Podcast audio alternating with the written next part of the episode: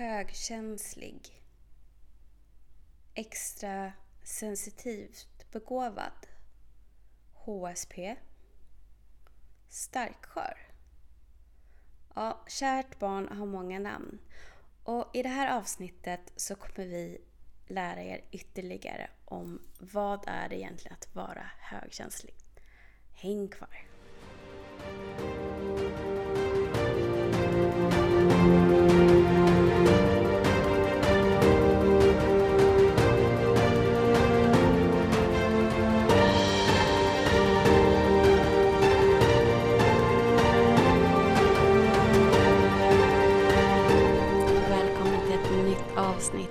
Bakom fasaden-podden. Idag ska vi prata om högkänslighet. Och jag känner att jag har inte riktigt den kunskapen eller alltid de rätta orden när jag vill förklara min högkänslighet. Men jag har någon i min närhet som har de rätta orden. Och det är mental pepp. Som även såklart har ett namn. Nathalie, välkommen. Yay, tack så mycket. Tack, så fint att vara här. Jättehärligt att ha dig här. Och så härligt att ha ditt lugn nu när vi har suttit här med teknikstrul i en timme. Ja, verkligen. Det, vi, vi blir verkligen utmanade här. Mitt tålamod. Så nu har vi landat lite här och eh, ska köra igång det här avsnittet. Och eh, ni som följer mig på Instagram på Bakom fasaden-podden har ju sett att jag har delat en beskrivning till exempel på högkänslighet och jag har också delat eh, att jag har gått hos Mental Pepp. Och eh, jag vet att du har även systercirklar och du har egentligen enbart har det blivit så att det har sökt sig högkänsliga till dig, är inte riktigt så? Mm, alltså jag kan ju berätta lite om vad mental pepp är. Det, det, det, det kan ju också vara så, vadå mental pepp och högkänslighet? det, kan ju också vara lite sådär. Men eh, jag är eh, verksam holistisk livscoach eh, och eh, kör eh, det har blivit så att jag, jag, jag har ju mycket klienter och så, men landade väldigt mycket i det fantastiska, dynamiska i att ha grupper och hur mycket vi växer tillsammans när vi kan spegla varandra och relatera till varandra och utforska hur vi är i grupper och integrerar i grupper. Och så då blev det ganska naturligt för mig sen att, att starta systercirklar och eh, och jag minns också när jag skulle starta Mental Pepp att, att jag fick frågan så här att ja men du måste nischa dig. Och då kände jag så här, men jag, jag vet inte. Eh, jag vill nog inte nischa mig. Men sen så har det bara fallit så naturligt att att just jag utbildar mig vidare inom just self-compassion men också högkänslighet och att det blir nog så när, när en utstrålar väldigt mycket högkänslighet själv så attraherar man och till sig också klienter och sånt där. Och, och, och nu håller jag också på att utbilda mig till yogalärare och kommer ha väldigt mycket inriktning för högkänsliga i det också.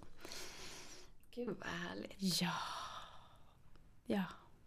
Om jag då kommer till dig och inte riktigt vet om vad högkänslighet är för någonting. Hur beskriver du det? Jag brukar oftast beskriva med en, jag är ju, eh, jag älskar ju metaforer, eh, så jag brukar beskriva med en liten metafor. Eh, pratar om rådjuret på savannen. För det här är ju en personlighetstyp som alltid har funnits och finns ju också för människans överlevnad. Så det är därför, och det finns också hos djur. Men så det här om, om vi ser en liten rådjursflock som ska ut och skutta ut där på savannen. Då har vi ju ett gäng som tycker det här är ju toppenkul och bara studsar ut dit. Fram fort ska det på savannen. Och sen så har vi några andra där, några andra rådjur som står lite kvar. Och de lyssnar, de spanar, de känner in och, och kikar efter eventuella faror. Och då kan det vara så att det, det kanske rör sig i någon buske långt, långt, långt därifrån. Och då, då ser just den här gruppen av rådjur det. Och då varnar resterande flock Eh, nej, kom tillbaka, kom tillbaka, det är fara, det är fara. Och det är de här högkänsliga. Så de har ju den här, de här rådjuren eller de här hög, högkänslighetspersonlighetstypen har ju faktiskt en funktion att Ja men har alltid haft en evolutionär funktion att skydda flocken. För att eh, ta in mer ljud, eh, är mer ljudkänsliga och är sensitivt begåvade. Att man känner djupare in i sina nervbanor både ja, men, ljud, ljus, rörelser och kan på så sätt lokalisera ur ett större perspektiv. Så inte, inte kanske lika impulsiva och springer ut på savannen utan jag behöver kika efter potentiella faror först. Så då tänker jag till exempel när eh, vuxna beskrev att jag var blyg som barn. Mm. Medan jag uppfattade det mer som att jag var försiktig. Att jag ville liksom utforska först vad det var för omgivning. Vad var potentiella hot eller ja, sånt. Att jag ville undersöka först innan jag liksom öppnade upp. Mm.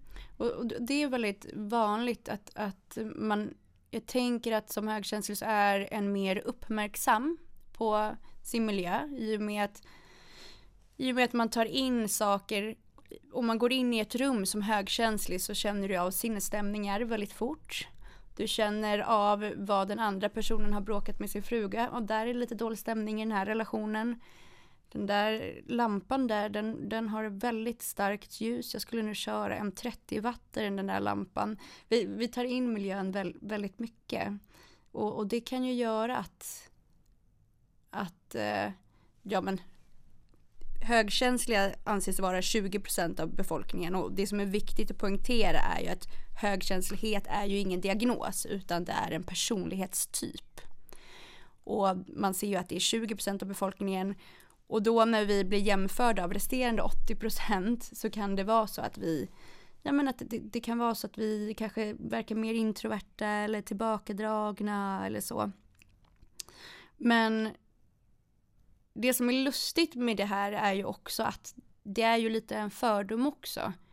För att eh, jag tror att så som högkänslighet landade i mitt knä och det var för det var för tio år sedan eh, när jag var 20 så stod jag i en bokhandel och bläddrade runt lite bland böcker och så kommer jag till ett omslag där det står drunkna inte i dina känslor Och jag bara, wow, här är det någon som har skrivit en bok om mig. Den, det står ju Nathalie på den här boken. Jag har ju hört hela min uppväxt att äh, det är inte så farligt, släpp det där.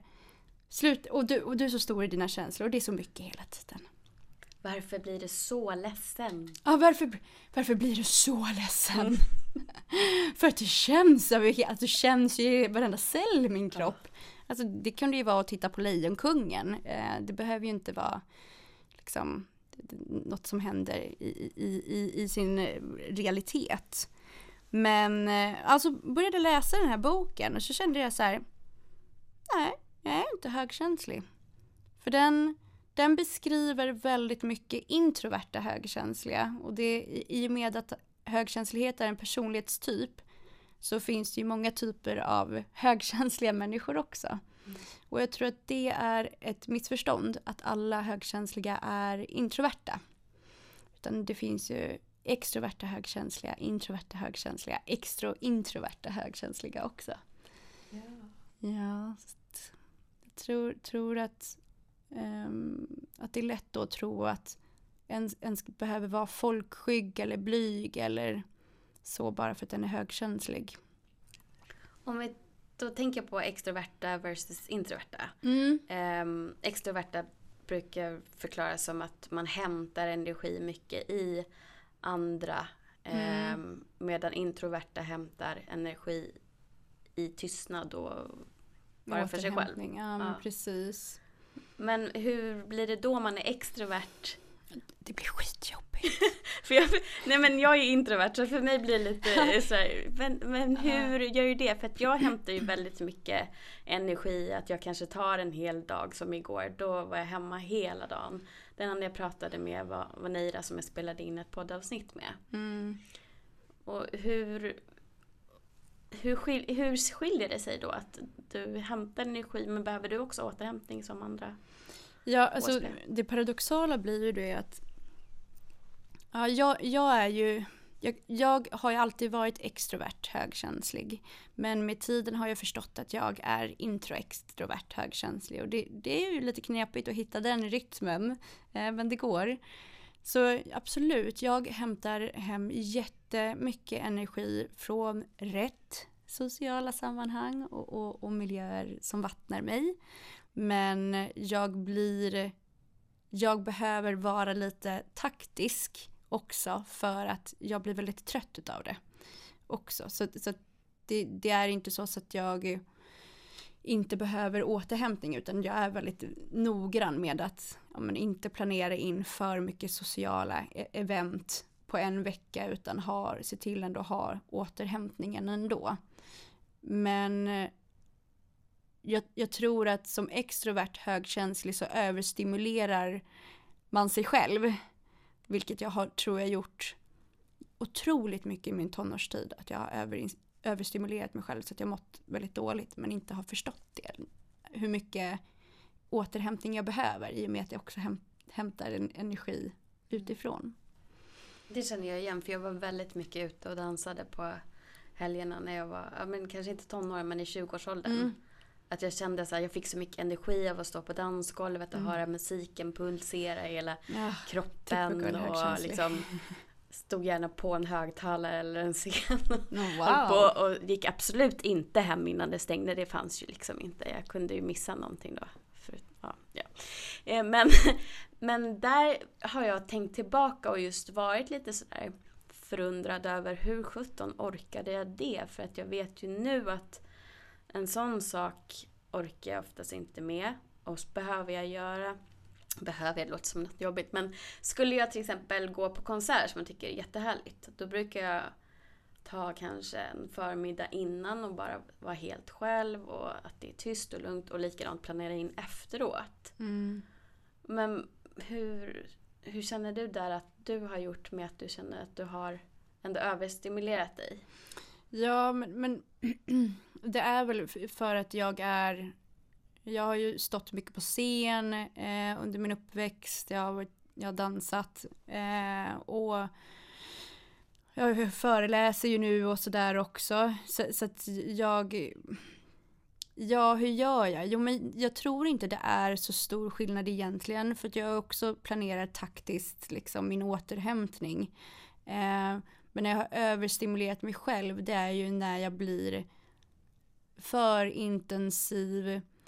Jag tror att när jag var yngre i tonåren och ung 20-årsåldern då när jag inte hade kunskap om min högkänslighet så, så kunde jag hamna i miljöer som inte vattnade mig, som inte berikade och gav energi i efterhand också utan tömde mycket på energi.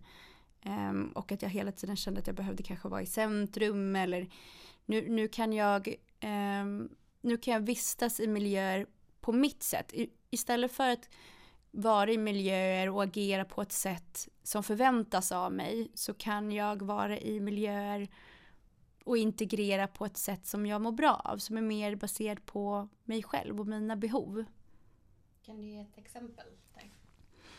Ja, men ett exempel är ju, ett, ett jättebra exempel är om jag vet att jag ska vara i ett socialt sammanhang som man vet så här, ja, eh, jag måste göra det här alla behöver ibland gå på, på sociala sammanhang där man kanske inte känner yay, utan det här behöver jag göra, det kanske är en släktgrej eller något sånt där. Men att då sätta lite boundaries redan i, i början för en själv. Dels kanske planera då att ja, men då vill jag ha en ledig tid på förmiddagen innan och sen så kanske jag också säger så här till mig själv att ja, men ungefär vid tio tider så känns det rimligt för mig att gå hemifrån, eller gå därifrån, lämna. Eh, och, och även liksom så här gränssättningen för mig själv. Hur, hur vill jag vistas i, i den här miljön? Vilka vill jag prata med? Vilka vill jag inte? Och det är ju också för att som högkänslig så har vi vi, känner, vi är så himla plikttrogna till vår omgivning. I och med att vi bär på tentakler, vi, vi känner ju in andras känslor hela tiden. Vad andra bär på. Vi är experter på vad andra behöver. Och därför är vi så snabba på att servera andra vad de behöver också. Eh, och lite där tappa oss själva. Men att förtydliga innan kanske sociala sammanhang oavsett vad det är. Bara, men vad, vad är mina behov i det här sociala sammanhanget och hur kan jag bejaka det så att jag inte hamnar med att serva någon annans behov av skuld. Mm. Att jag borde göra det här. Nej men jag kan inte gå nu. Jag borde göra det här för den andra personen och jag borde ställa upp. Nu ska jag sitta och lyssna på det här samtalet i en halvtimme för att jag borde göra det. Utan vara lite mer fine med att ge sig själv ett break och känna större plikt till sig själv. Det är okej okay att göra det. Och högkänsliga tror inte att det är okej okay att känna så stark plikt till sig själv. För vi är så otroligt, och det är också någonting evolutionärt i oss, är att vi är omsorgsfulla och inkännande. Det är ju därför alla högkänsliga jobbar inom liksom skola, om, liksom sjukhus och det är ju för att vi är, har de där omsorgsfulla, kärleksfulla tendenserna. Men jag märker mycket också på de flesta högkänsliga klienterna som kommer till mig så är oftast det som en upplever som utmaning är att men jag gör lite våld på mig själv för andra. Eh, vart är jag och vart är den andra? Mm. Där har jag tips kommer jag på. Ah? Um, för en av mina äldsta vänner, eller som jag känt längst sen jag var tre år, som nästan är som en extra syster för mig. Mm. Hon döpte sin yngsta för några år sedan. Som jag även är gudmor till. Mm.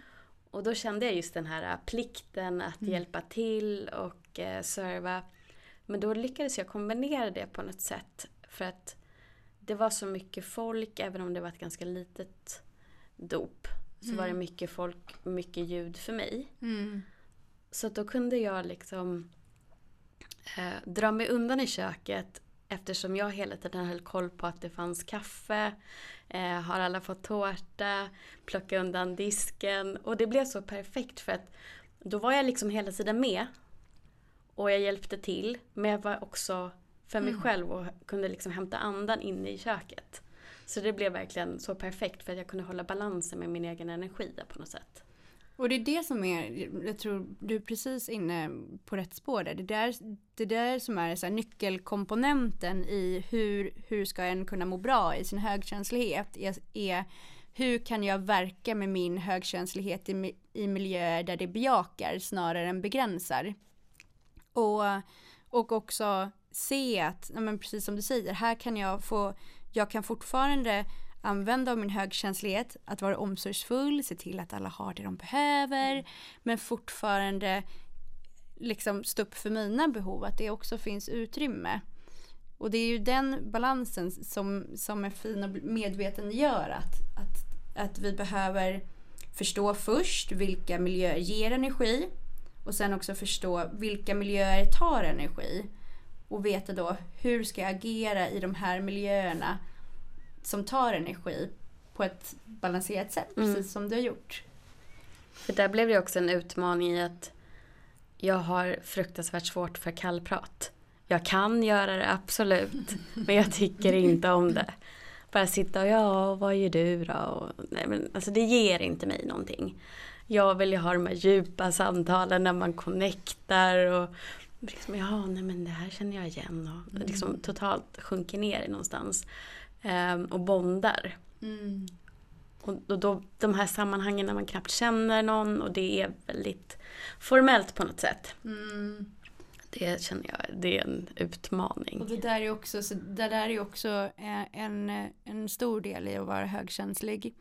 Är att, ja men det här med kallprat och, och, och det här med yt, ytlig kontakt och sånt där kan nästan skava. Mm. För att vi drivs så mycket av att känna, känna så mycket för livet. Mm. Vi drivs så mycket för att känna på djupet. Så, och vi drivs så mycket av nyfikenhet av andra människor också.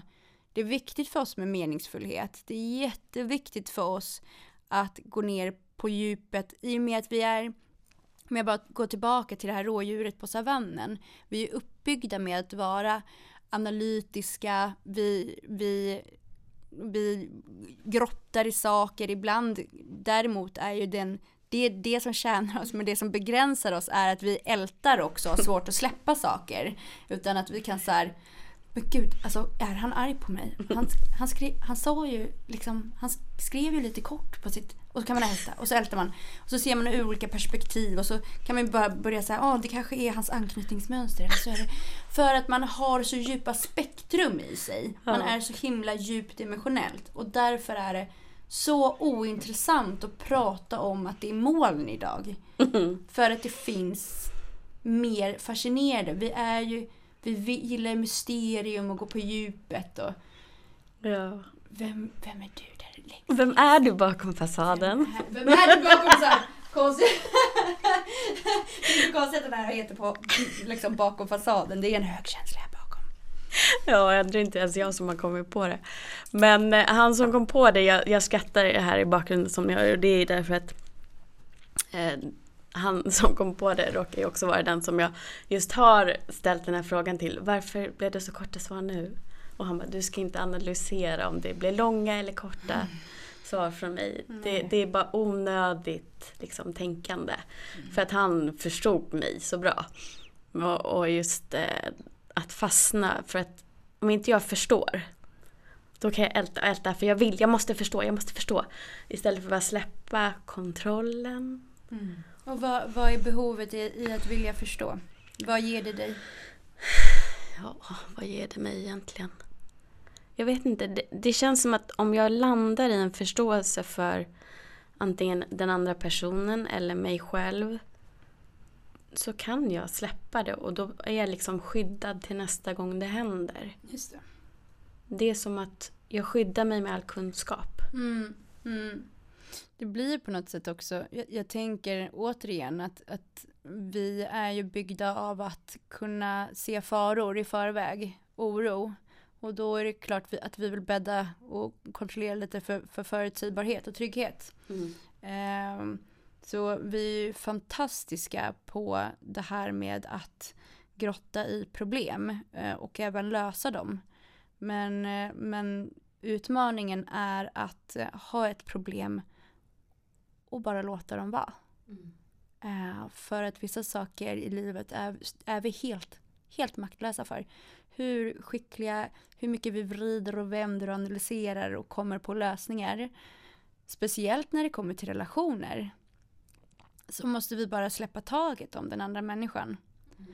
Och det är det som också är utmaning eh, när man är högkänslig och är i relation eller är det kan ju vara vänskapsrelationer, står i relation till andra. I och med att, att den har de här fantastiska funktionerna att känna in vad den andra tänker, känner, behöver. Att man hela tiden, jag brukar kalla det för att man tacklar den andra hela tiden. Man går över på den andras fotbollsplan nästan mm. och lämnar sin egna. Så är det så frustrerande om den andra personen kanske, och otryggt om man känner av det och den andra personen inte uttrycker det. Mm.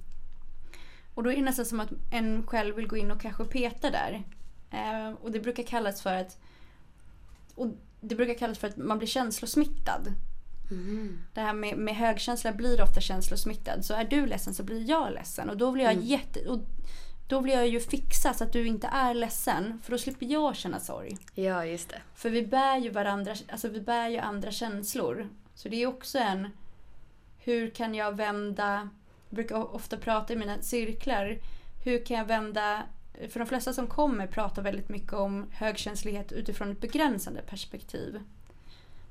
Så om jag är så fantastisk på att hela tiden känna av människor men jag mår ganska dåligt av andra människors sinnesstämningar och hela tiden bära på dem. Om det begränsar mig, hur kan jag göra att det tjänar mig? Mm. Hur tänker du att det, liksom, hur tänker du att det tjänar dig att du kan känna in människors sinnesstämningar? Och...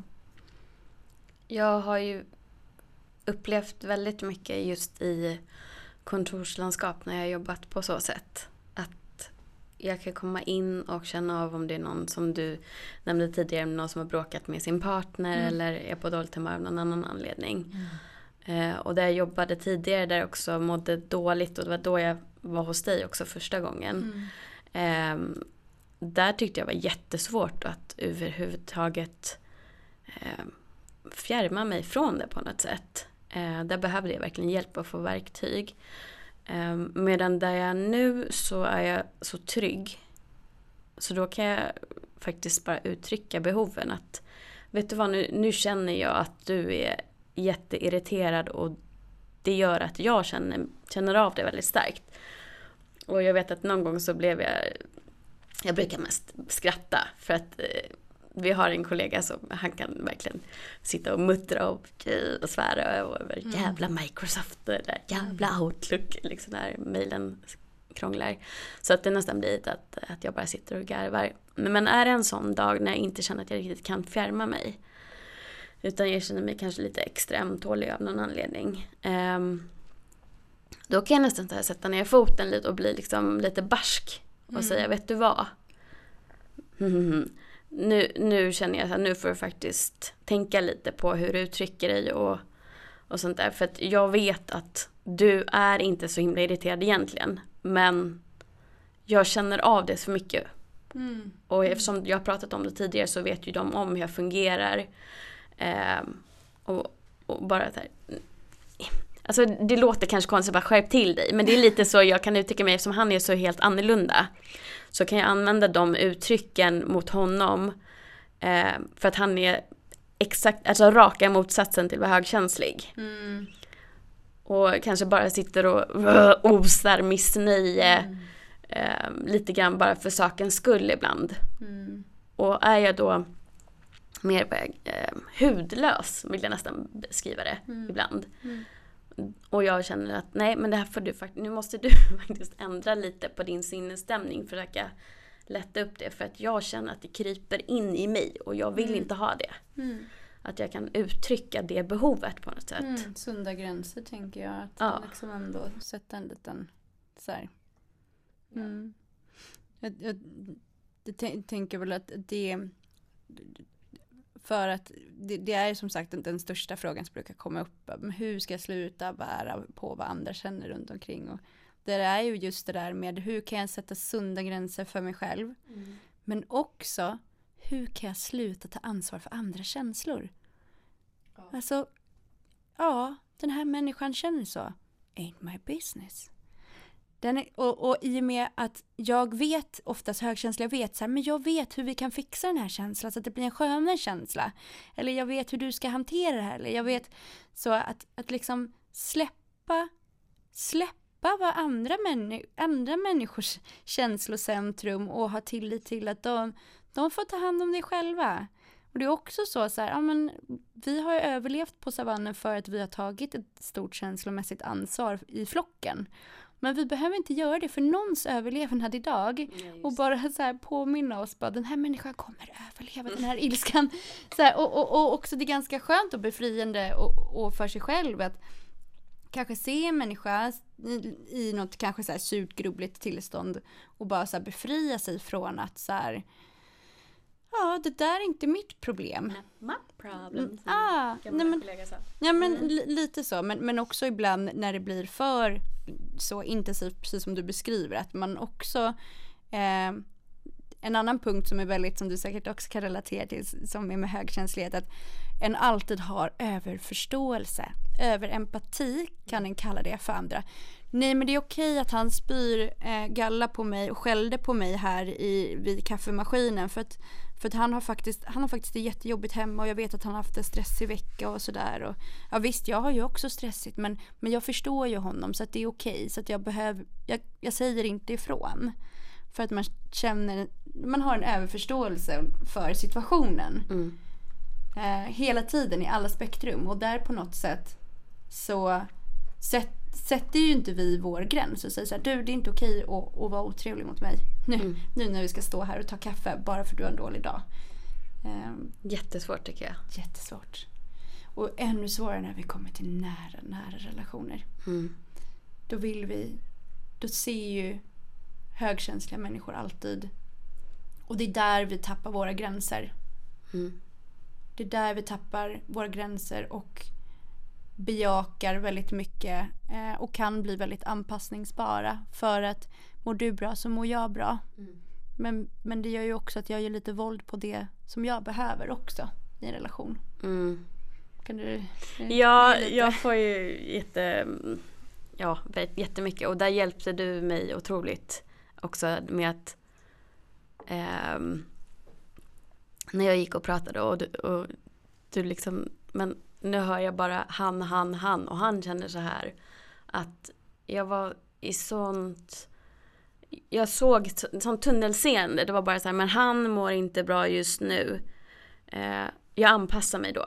Och att jag tappade helt bort liksom mina egna behov och eh, gränser fanns ju inte överhuvudtaget utan det liksom gled in i det här eh, känslomässiga medberoendet Mm, som mm. också är så vanligt och Mm, mm, lyckligtvis var det någonting som, som han plockade upp också och kunde mm. både du och han pinpointa och liksom lägga upp så jag såg det Mm. på ett sätt. Men, men det känner jag väl också, det är väl också något typiskt för oss högkänsliga att vi Ja. tyvärr kan falla in i det. Verkligen. Och det är ju som sagt för, för att vi känner in den andra personen så pass mycket och vi påverkas mycket av, av andra sinnesstämningar. Eh, så, så är det sorgligt, ledsamt och det är ju också så här alla ni som lyssnar och är högkänsliga kan ju bara relatera till att se en sorglig film eller om jag sätter på en sorglig kärlekslåt.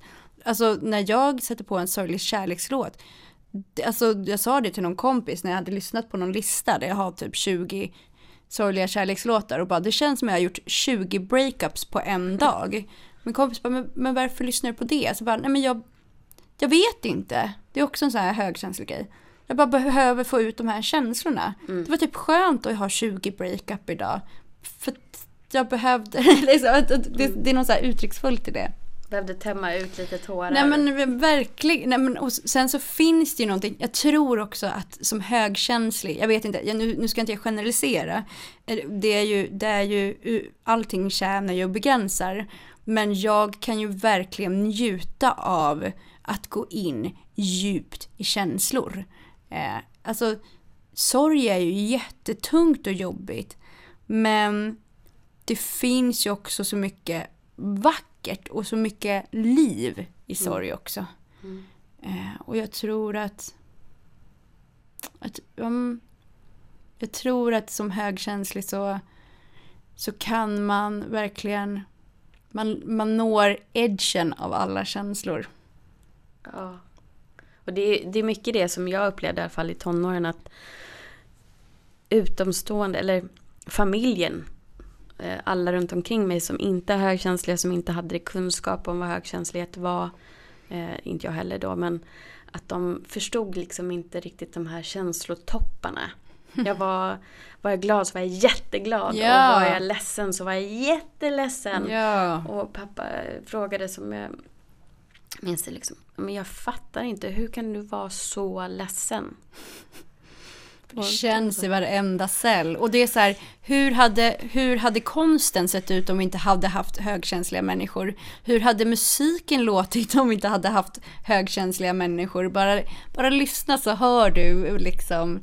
Det finns ju eh, ett sånt djup och sån upplevelse i känslorna. Eh, och det är ju, det är ju också igen så här viktigt tror jag när en liksom jobbar med att få insikter med sin högkänslighet är att hela tiden att inte fastna i jag tänker att de här andra 80 procenterna som inte har den här personlighetstypen har lite de här, ja men du är så känslig och har lite svårt att förstå och måste göra så stort och okej men hallå ni gjorde ju slut för ett halvår sedan, varför gråter du fortfarande? Varför liksom, men lite så, sådär. Um, att det finns sådana och, och då har vi högkänsliga klätt på oss de föreställningarna och, och bär på de här negativa föreställningarna om oss själva. Att vi, vi är för känsliga, vi går in i för mycket känslor, jag behöver återhämta mig mycket. Det, det, är, det är en svaghet, det är jobbigt. Men det, där tror jag är så viktigt att klä av sig de föreställningarna och också se så här, men jag kan inte jämföra mig med resterande 80%. Jag, jag, jag ska inte jämföra mig med en icke högkänslig för att jag har så jävla mycket att bidra med i den här sensitiva begåvningen. Mm. Jag bearbetar saker på djupet, jag hör ljud på ett annat sätt, jag känner känslor långt ner i mina nervbanor. Alltså när jag älskar, då älskar jag shitload. Alltså det är så här, när jag älskar och när jag är glad, alltså då är jag ju glad ut i fingerspetsarna. Och det finns så mycket gåvor i att vara högkänslighet och det är viktigt att fokusera på så här, ja men det kanske begränsar mig i att jag går djupt i sorgen, men det tjänar mig med att, att jag faktiskt går djupt in i sorgen gör ju att jag kan processa på djupet, hitta lärdomar, läka och nå nya höjder. Mm. Så att det finns alltid, bakom varje begränsning så finns det ju alltid någonting som tjänar mig. Alltid. Hur gör man då om man går in i en relation med någon som inte är högkänslig för att förklara liksom, om de skulle uppleva att det, det går mycket upp och ner till exempel? Mm. Mm. Ja, och där tror jag också det är viktigt dels att förklara att det här är en personlighetstyp. Eh, och att det är nog viktigt, vad tänker du att den generella pro problematiken är? Men den generella problematiken, nu, nu kom jag på det, förlåt, nu, nu ställer jag frågor och sen så kommer jag på så här, jag har ju, jag har ju mycket relationer och sånt i, i, i, i mina rum och med klienter och sånt där. Eh, så den största problematiken jag hör är att högkänsliga har större behov kanske av närhet, bekräftelse för att vi är så himla duktiga på att, eh, att ge kärlek, att artikulera ut kärlek, att vara nära, att eh, känna in och, och är väldigt romantiska, passionerade och, och det som clinchar oftast är ju att man har då de förväntningarna på sin partner. Mm. Att din partner ska ha samma kärleksspråk som mig. Mm. Men eh, jag kan inte kräva att min partner har samma kärleksspråk som mig. Det kan vi aldrig göra oavsett om den är högkänslig eller icke högkänslig. Mm. Eh, jag var tillsammans med en kille en gång som var, han var verkligen inte högkänslig.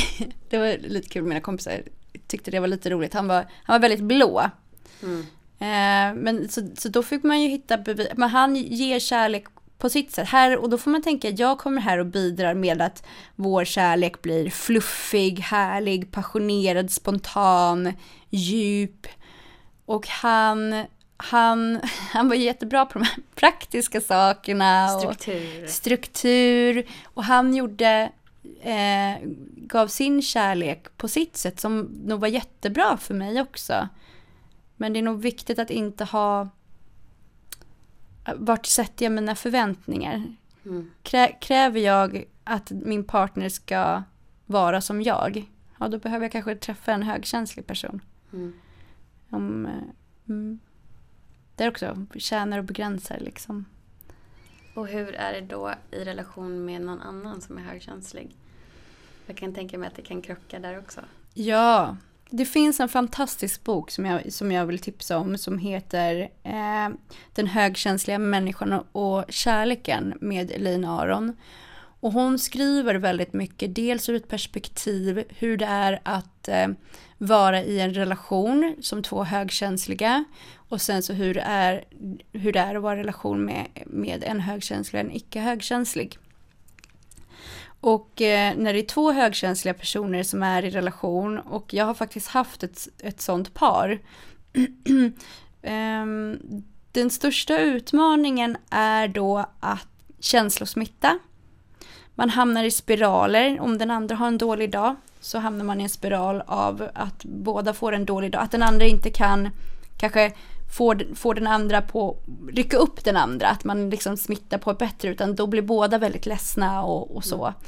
Så att det handlar om att allting i grunden egentligen handlar om så här, lära känna sig själv i sin högkänslighet. Och har man en partner, att lära känna sin partner i högkänsligheten också. Så är det ju oavsett om partnern är icke högkänslig eller inte. Mm. Men att man lär känna varandra på djupet för att förstå varandra och mötas där.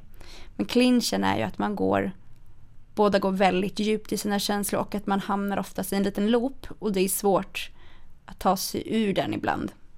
Men två högkänsliga människor, om vi också ska se, vi ser inte bara på det som begränsar utan det som tjänar. Mm. Det, det är ju de här liksom passionerade, fyrverkeri, djupa samtal, eh, närhet, vill gärna, alltså första mötet kan ju vara sådär att, att man börjar direkt börja prata om så här djupa, djupa frågor. Man vill, vem är du? Snälla kan vi prata i timmar om Mm. vem du är? Mm. Mm. Mm, Det relaterar. Så här, mm, mm.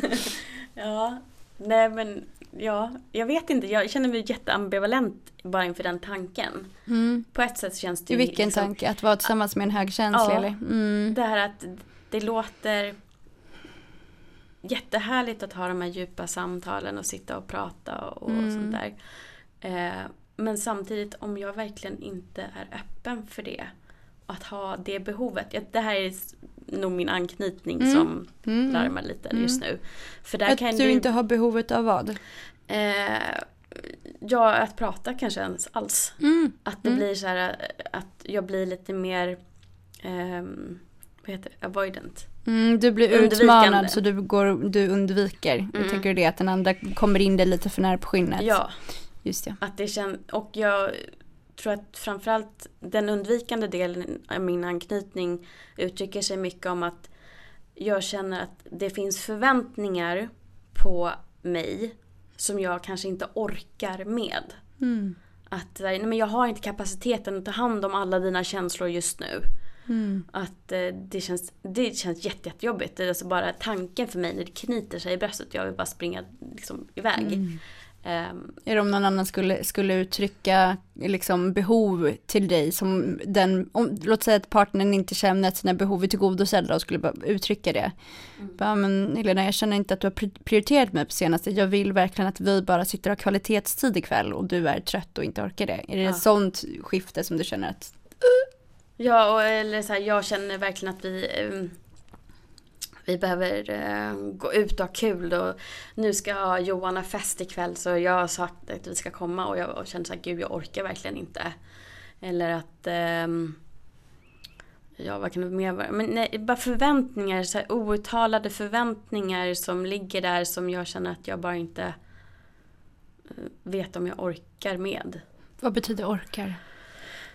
Eh, Oj, förlåt. Oh! Vad betyder orkar? Ja men det är en jättebra fråga. Jag måste bara eh, känna in lite. vad betyder jag orkar inte med det? Jag tror att det kanske betyder att nu kommer jag behöva känna jättemycket Mm. och det kommer ta massa energi. Mm. Det här vet jag kommer väcka mycket känslor och jag har ingen lust med det just nu. Mm. För vad händer då? Om det tar massa energi och väcker massa känslor. Men jag är helt slut efteråt framförallt. Mm. Eh, Det blir den här överstimulansen då. ja, precis. Mm. Och därför så kan jag också vara ehm, väldigt avstängd. Mm. Jag, det är som att jag har en on-off-knapp som jag inte riktigt styr över själv. Mm. Eh, och när det blir för mycket eller jag verkligen, jag vet om att det här kommer trigga en känslostorm. Mm. Jag vill inte. Mm. Då stänger jag av helt istället. Mm. För att det finns tyvärr inget mellanläge för mig. Kom, ska jag röra det här, vad det nu än är, så är det känslostorm eller inte alls. Det finns inte någon gråzon hos Mm. mig. Och när det är, och, och låt säga att, att ett partner skulle trigga någon känslostorm, vad, vad, vad finns det så, liksom, tänker jag där för behov som du kan få hjälp med där? Jag tänker att, vad, finns i en känslostorm? Ehm, jag tror att egentligen det är kommunikation. Mm. om min partner då skulle kunna uttrycka sig på ett sätt som visar att det kanske är mest i mitt huvud Mm. att ehm, det här är en jättestor sak. Det, kanske handlar bara om att vet du vad, jag känner att nu har vi haft jättemycket att göra. Ehm, jag skulle vilja att vi bara har en dag där du och jag hittar på någonting. Om han säger det så, så känns det ju inte alls särskilt jobbigt. Utan Mm. ja men gud, absolut, det kan vi göra, vad mysigt. Mm. Eh, men skulle det vara som på något sätt att det uttrycks som en anklagelse. Gud Mm. vad jag känner att jag är undvikande och trygg Mm. undvikande nu. Mm. Men ehm, Mm. att det blir du ger, du ger inte mig någon tid, du bara jobbar och poddar. Mm. Mm. Och jag då? Mm. Att det blir någonting sånt. Då, då blir det Mm. så här, nu är otillräcklig, nu räcker jag inte till.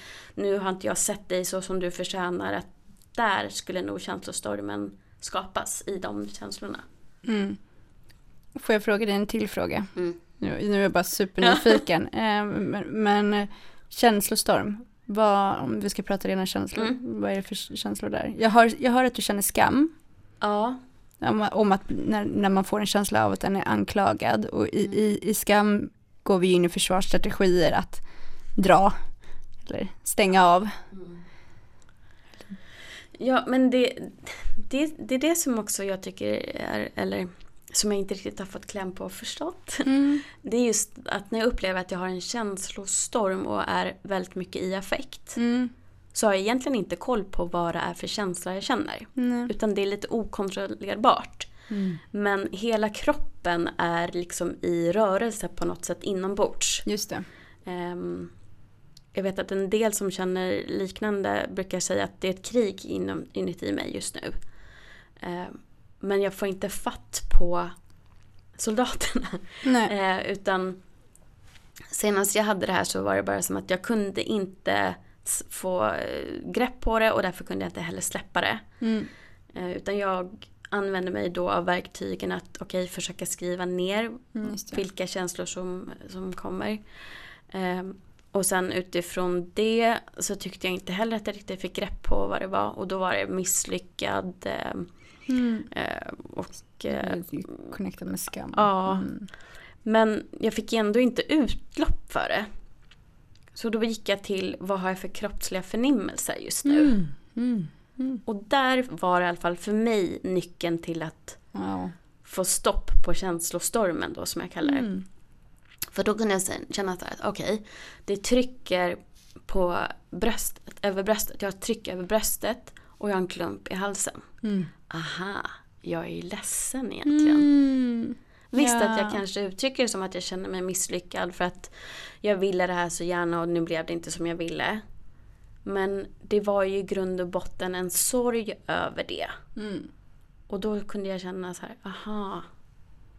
Så gick jag hem och, och grät. Och då släppte Och det. var, det- var det den här situationen när en person hade, hade sagt till dig att, att, sagt till dig att, att eh, nej men där du hade känt att den krävde någonting som du inte kunde ge. Var det i den situationen nu eller var det en ny Eh, situation? Nej, det var en ny situation. Mm. Det var ehm, en, en kille som jag dejtade nu för Mm. inte alls länge sedan. Där ehm, det, den bilden jag hade av oss och honom visade sig inte alls överensstämma med Mm. verkligheten. Mm. Och eh, när jag då ville prata eh, så ja, han kunde inte alls möta mig med det utan det blev liksom anklagelser och, och att han tyckte att jag förstörde hans dag. Mm. Eh, och det bara, nej det blev bara jättefel alltihopa. Och eh, fast jag inte ens egentligen sa så himla mycket mer än att eh, jag tycker vi borde ses och prata. Mm. För att jag ville avsluta på ett snyggt sätt. Att vi kunde Mm. gå vidare och bara släppa Mm. det. Ja men eh, det, nu, eh, jag har faktiskt haft en jättebra morgon Helena, fattar du det? Mm. Jag tänker inte låta dig förstöra. Mm, Det låter som man blev jätterädd. Ja. Mm. ehm, och eh, då kände jag så här, jag, jag kan inte komma vidare här. Mm. Det här måste jag tyvärr släppa på ett dåligt sätt. Mm. För det finns, han är Och inte vad det- mottaglig. Och vad är bra och dåligt sätt? Jag vill att alla ska vara vänner. Ja, precis. Ja. Ja. Men det är fint liksom. Jag, jag tror att det, det där är också sådär som högkänslig att, att, att ibland blir det det, det lät, låter ju som att du blev överväldig, överväldigad, överstimulerad så som högkänsliga väldigt lätt kan bli. När det bara blir en gröt av massa känslor och förnimmelser.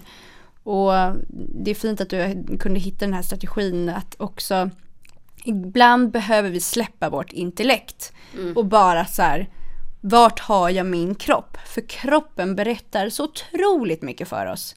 Den ger så otroligt mycket signaler och, och precis som du sa, då blev det ju liksom, ibland är invägen, jag kan märka på klienter, vissa klienter kan verkligen bara prata utifrån känslor och, och liksom pinpointa. Andra klienter måste vi bara jobba utifrån kroppen. Okej, och vart kändes det här då när du hade det här samtalet? Om det kändes i halsen. Okej, om det kändes i halsen, om du sätter din hand på halsen, vad känner du då? Mm. Men jag känner att jag inte riktigt sa det jag ville säga i den här. Alltså, att, ja. det gud, det är ett så viktigt verktyg.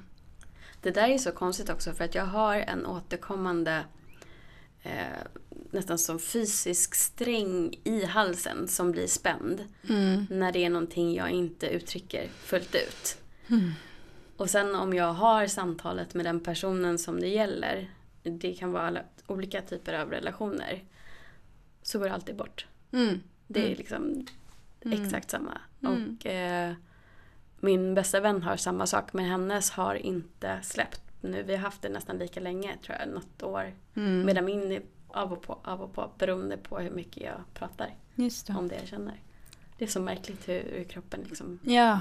reagerar. Den är så integrerad med, och det är därför det är så viktigt också, just i min coachning jobbar jag väldigt mycket med kroppen, som du vet. Mm. Eh, och det är ju för att vi kan inte sitta och intellektualisera allting, utan för att få förändring eller på något sätt skapa nytt så behöver vi integrera med kroppen för att frigöra saker men också få fatt i saker och skapa nytt. Mm. Och som högkänslig också så är, är, ju vi är ju inte bara, vi bearbetar inte bara på djupet i våra sinnen genom ljud, ljus och, och sådär utan också med kroppen. Vi tar in väldigt mycket med kroppen. Mm. Och om vi tittar på, nu är ju såklart alla klienter individer mm. och olika. Mm.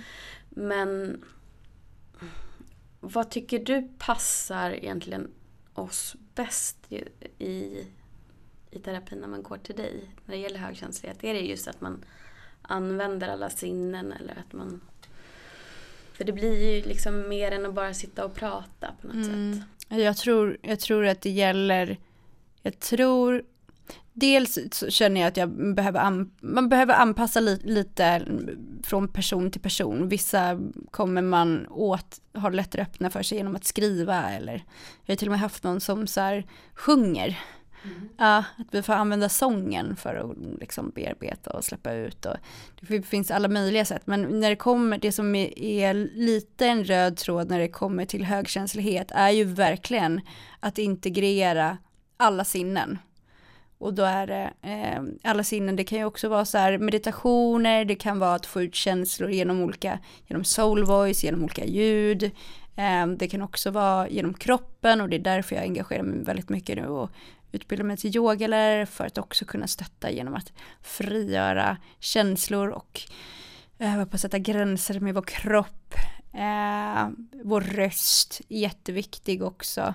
Så jag tror, jag tror att eftersom högkänsla hela tiden är på djupet av sina sinnen så, så behöver vi ha alla våra sinnen med oss när, när vi jobbar med oss själva också. Mm.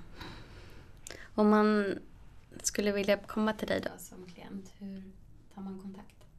Mm. Eh, gud, jag, det som är så fascinerande eh, är att jag, jag tror att jag får majoriteten av mina klienter faktiskt från Instagram, mentalpepp.se. Eh, där jag brukar lägga upp lite coachande texter och lite vägledning och sådär. Så det är ju majoriteten hör av sig därifrån. Så då är det bara att mejla. Jag får ju bokningar på DM också. Så att det, det, är väldigt låg tröskel och de flesta som hör av sig är ju också, en behöver ju inte veta. Man behöver inte ha någon aning utan man vet bara att jag vill någonting nytt, någonting annat, eller jag vill komma närmare mig själv, eller jag behöver stärka relationen till mig själv, eller något är inte riktigt som det ska, jag vet inte vad. Mm. Så att jag tror att tröskeln till att gå och prata med någon som finns är att vi tror att jag måste ha ett stort problem och det måste vara så illa så att, att vi gör det, att det är en ganska stor tröskel. Medan holistisk livscoachning handlar egentligen bara om att precis som att du går till gymmet så handlar det också om att, gå till någon för att skapa en inre kondition för att få mer kvalitet på livet. Ja, verkligen. Mm. Och vill man komma till dig fysiskt då är det ju i Stockholm. Nu är det i Stockholm. Mm. Om man sitter i en annan stad i Sverige finns det Ja. möjligheten? Nu kör, vi kör väldigt mycket via Zoom så jag har faktiskt klienter runt om i hela Sverige. Mm. Underbart. Mm. Vad härligt att de också får Ja! tillgång till dig. Verkligen och och jag hoppas att liksom jag också funderar på i och med att jag kör grupper och, och cirklar och sånt där också. Så eh, det är klart, det går ju också att göra digitalt. Så mycket, det har man ju sett nu med coronan, hur mycket som har kommit upp. Liksom, vi behöver inte längre sitta i samma rum. Även fast jag tycker att det finns en fantastisk kraft eh, med att eh, det finns ju energier i ett rum när personer är i ett rum. Till skillnad från att sitta med, via Zoom. Men, men det går ju fantastiskt bra att ha via Zoom också. Eller det behöver inte... Det finns jättemånga olika bra... Jag ska inte göra reklam för någonting här men det finns jättemånga olika bra videosamtalschattar. Så. Ja, den funkar bra. Jag tycker det funkar bra. Nej men jag har ju använt det jättemycket nu. Jag också... Jag tänkte att vi sitter och gör så här massa smygreklam. Bara, Det finns andra jättebra också. Men det är faktiskt ett tips också till er som andra som poddar som har gäster i andra städer och sådär nu när vi Mm. inte kan resa riktigt som Just vi, som vi Mm. önskar. Mm. Vad fint. Jag tänker vi ska börja avrunda lite. Mm. Och då tänker jag att som högkänslig, om du kan försöka sammanfatta i tre punkter då som tips till de som sitter och lyssnar och kanske känner igen sig men inte riktigt vet om de är högkänsliga eller inte. Vad har du för tips då? Ja, först och främst det här om, om, om en vet om en är högkänslig eller inte. Eh, ja, det vet du. Eh, tro inte, försök inte gå så mycket efter checklistor och sånt utan är du en person som eh, har djup bearbetning, väldigt stark kontakt med dina känslor, bär mycket empati, eh, är inkännande, eh, är ljudkänslig, ljuskänslig så, så kan du ju vara högkänslig med stor sannolikhet att du är det i olika grader. Och det är ju som sagt en personlighetstyp så att vi är ju många med den. Och sen så också lite tips, tre tips. Det första tipset skulle jag vilja säga är sluta jämföra dig med människor som är icke högkänsliga. För det är vår akilleshäl. Eh, Att vi säger, ja men alla andra är ju på de här, och alla andra håller det här tempo i livet, jag vill också göra det. Men varför ska du göra det? Så eh, då, då slinker vi in kanske på mitt andra tips då och det är skapa, hitta din rytm i livet. Vad är din rytm? Och, och, och försök inte att skapa en rytm så som förväntas av dig utan hur, hur vill du dansa i livet och vad är din rytm och vad behöver du? Eh, och jag tänker också den tredje biten är att högkänslighet är ju en fantastisk gåva. Se hur du kan verka i ditt liv med den gåvan. Verkligen. Mm. Superbra tips. och jag tänker också att förväntningar kan ju ibland upplevas att de kommer utifrån men Mm. oj vad vi har förväntan på oss själva. Verkligen. Verkligen. Och bara släpp taget om, om det här med jag borde, jag ska vara så, sådär. Utan ditt liv blir rikt när du tillåter det gå efter din egna rytm. Shit Mm. vad det händer grejer då. Wow. Och våga släppa kontrollen och Ja. allt det här. Och det som har hjälpt mig också som högkänslig väldigt mycket i, om man tänker lite grann på det vi också har tagit upp idag. Mm. Det är just det här att släppa kontrollen och släppa ansvaret för andras välmående Mm. eller ja, mående överlag. Just det. Det är så befriande, det är så Ja. himla skönt att känna att det där är inte mitt ansvar. Absolut att jag lyssnar om du uttrycker ett behov till mig att du vill att jag lyssnar. Mm. Eh, jag behöver inte ens komma med förslag på, på hur du kan må bättre som jag kände ett jättestarkt behov av tidigare. Mm. Utan det kan vara att vill du ha tips eller vill du bara att jag lyssnar? Just det. Att jag har släppt det där. Mm, det är så bra. Det är så stort för mig och det har verkligen, verkligen varit, eh, befriande som sagt. Jag känner mig jättefri. Mm. Eh, så jag vet att det finns en stor tröskel för att komma dit. Och att man tror att man ska må sämre av att inte hjälpa andra. Som det faktiskt känns som att man gör. Mm. För att man får dåligt samvete och känner skuld. Exakt. Eh, för att det är bara jag som förstår. Eller det är bara jag som och jag vet hur du ska lösa det här. Ja men jättebra, då kan ju du svara om den här personen uttrycker ett behov av att få tips. Och sen så samtidigt också så, så, så om, om man ska få säga så, så handlar det om så här att nej, jag bestämmer mig för att istället ge gåvan av tillit till den här personen. Att den behöver gå sin väg i livet. Att det inte är my business. Att försöka liksom korrigera hur den andra gör i sitt liv. Utan I trust your path. Ja men verkligen. Och det, det var ju någonting jag verkligen var tvungen att göra också när jag släppte i mars. Och det pratade jag om i ett avsnitt i början av podden. Att ehm, nu måste jag våga lita på att han själv tar hand om den här lilla pojken jag ser i honom. Ja, Och just där och då var det jättesvårt. Såklart. Men idag så med liksom lite perspektiv Mm. så känner jag att gud vad bra. Och vi behövde det både han och jag. Mm, mm. För han är ju jättekapabel att ta hand om sig själv. Och det är därför, jag tror att det är därför också, så den största gåvan vi kan ge till andra människor är att faktiskt släppa ansvaret på att vi ska gå in och peta på den andra personens planhalva.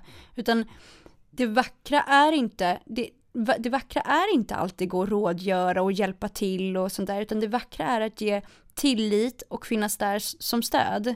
Att jag finns här för dig som stöd och jag ger dig all tillit att du är kapabel till att utforska din väg i livet. Det är att backa. Verkligen. Så det är lite extra tips där. Ja, jättebra. Och också den här med, vill jag bara belysa igen, det här med, med, med sunda gränssättningar. Ja. Eh, jätte, jätteviktigt med sunda gränssättningar och att inte ha dåligt samvete för när, vi, när man inte mäktar med och säger nej. För att ett nej är alltid ett ja till något annat. Säger jag nej till dig så fin- finns det alltid någonstans ett ja till något annat. Precis. Och de människorna som kanske inte tycker om att du helt plötsligt börjar sätta gränser när du alltid har varit den som har sagt ja, alltid har varit den som styrt upp. Mm, de kanske inte är rätt människor att ha allra närmast. Nej. Du kan ha kvar dem i ditt liv. Eh, tänk på den här cirkeln Ja, vi har gjort. Eh, men inte som du, hjärtevän. nej precis och du, du sänker liksom förväntningarna också Mm. från dig själv på dem. Och då känns det inte lika jobbigt att de inte kan möta Precis. de behoven du har heller. Mm, mm. Eh, och sen tänkte jag också lite boktips. Ja, verkligen. Så är du introvert, drunkna inte dina känslor. ja. Det var ju den som jag helt plötsligt satt med tre ex exemplar av hemma och bara okej jag tror folk försöker säga mig någonting. Ja, det är det sant? Ja. Oh, wow. Ja, eh, men jag, jag skulle säga när det kommer till just högkänslighet så allting med Elaine Aron. Mm, den högkänsliga människan. Den högkänsliga människan och verkligen för, för relationer för högkänsliga är så Åh, det är så fundamentalt.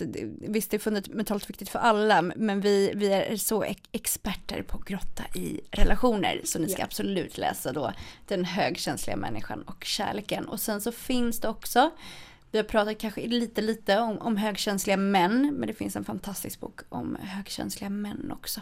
Mm. Underbart. Mm. Då hoppas jag verkligen att ni som lyssnar och är högkänsliga eller ni som lever nära någon som är högkänslig Mm. har fått hjälp nu att förstå oss lite bättre eller er själva lite bättre. Så stort, stort tack Nathalie för Ja, att du var med idag. tack, så mysigt. Tack. Så får vi se om du kanske kommer tillbaka och hjälper oss ännu mer. Ja, ja, gärna. Så fint. Härligt. Tack. Tack så mycket. Och ni som lyssnar, som sagt, det är alltid välkommet att höra av er till Instagram bakom fasaden-podden. Och som sagt, vill ni komma i kontakt med Nathalie så är det mental pepp. Och det är bara att gå in och kolla på mina följare och de jag följer så finns de där också. Yes. Mentalpepp.se. Mentalpepp. Precis. Och som alltid, ha det jättebra och ta hand om er.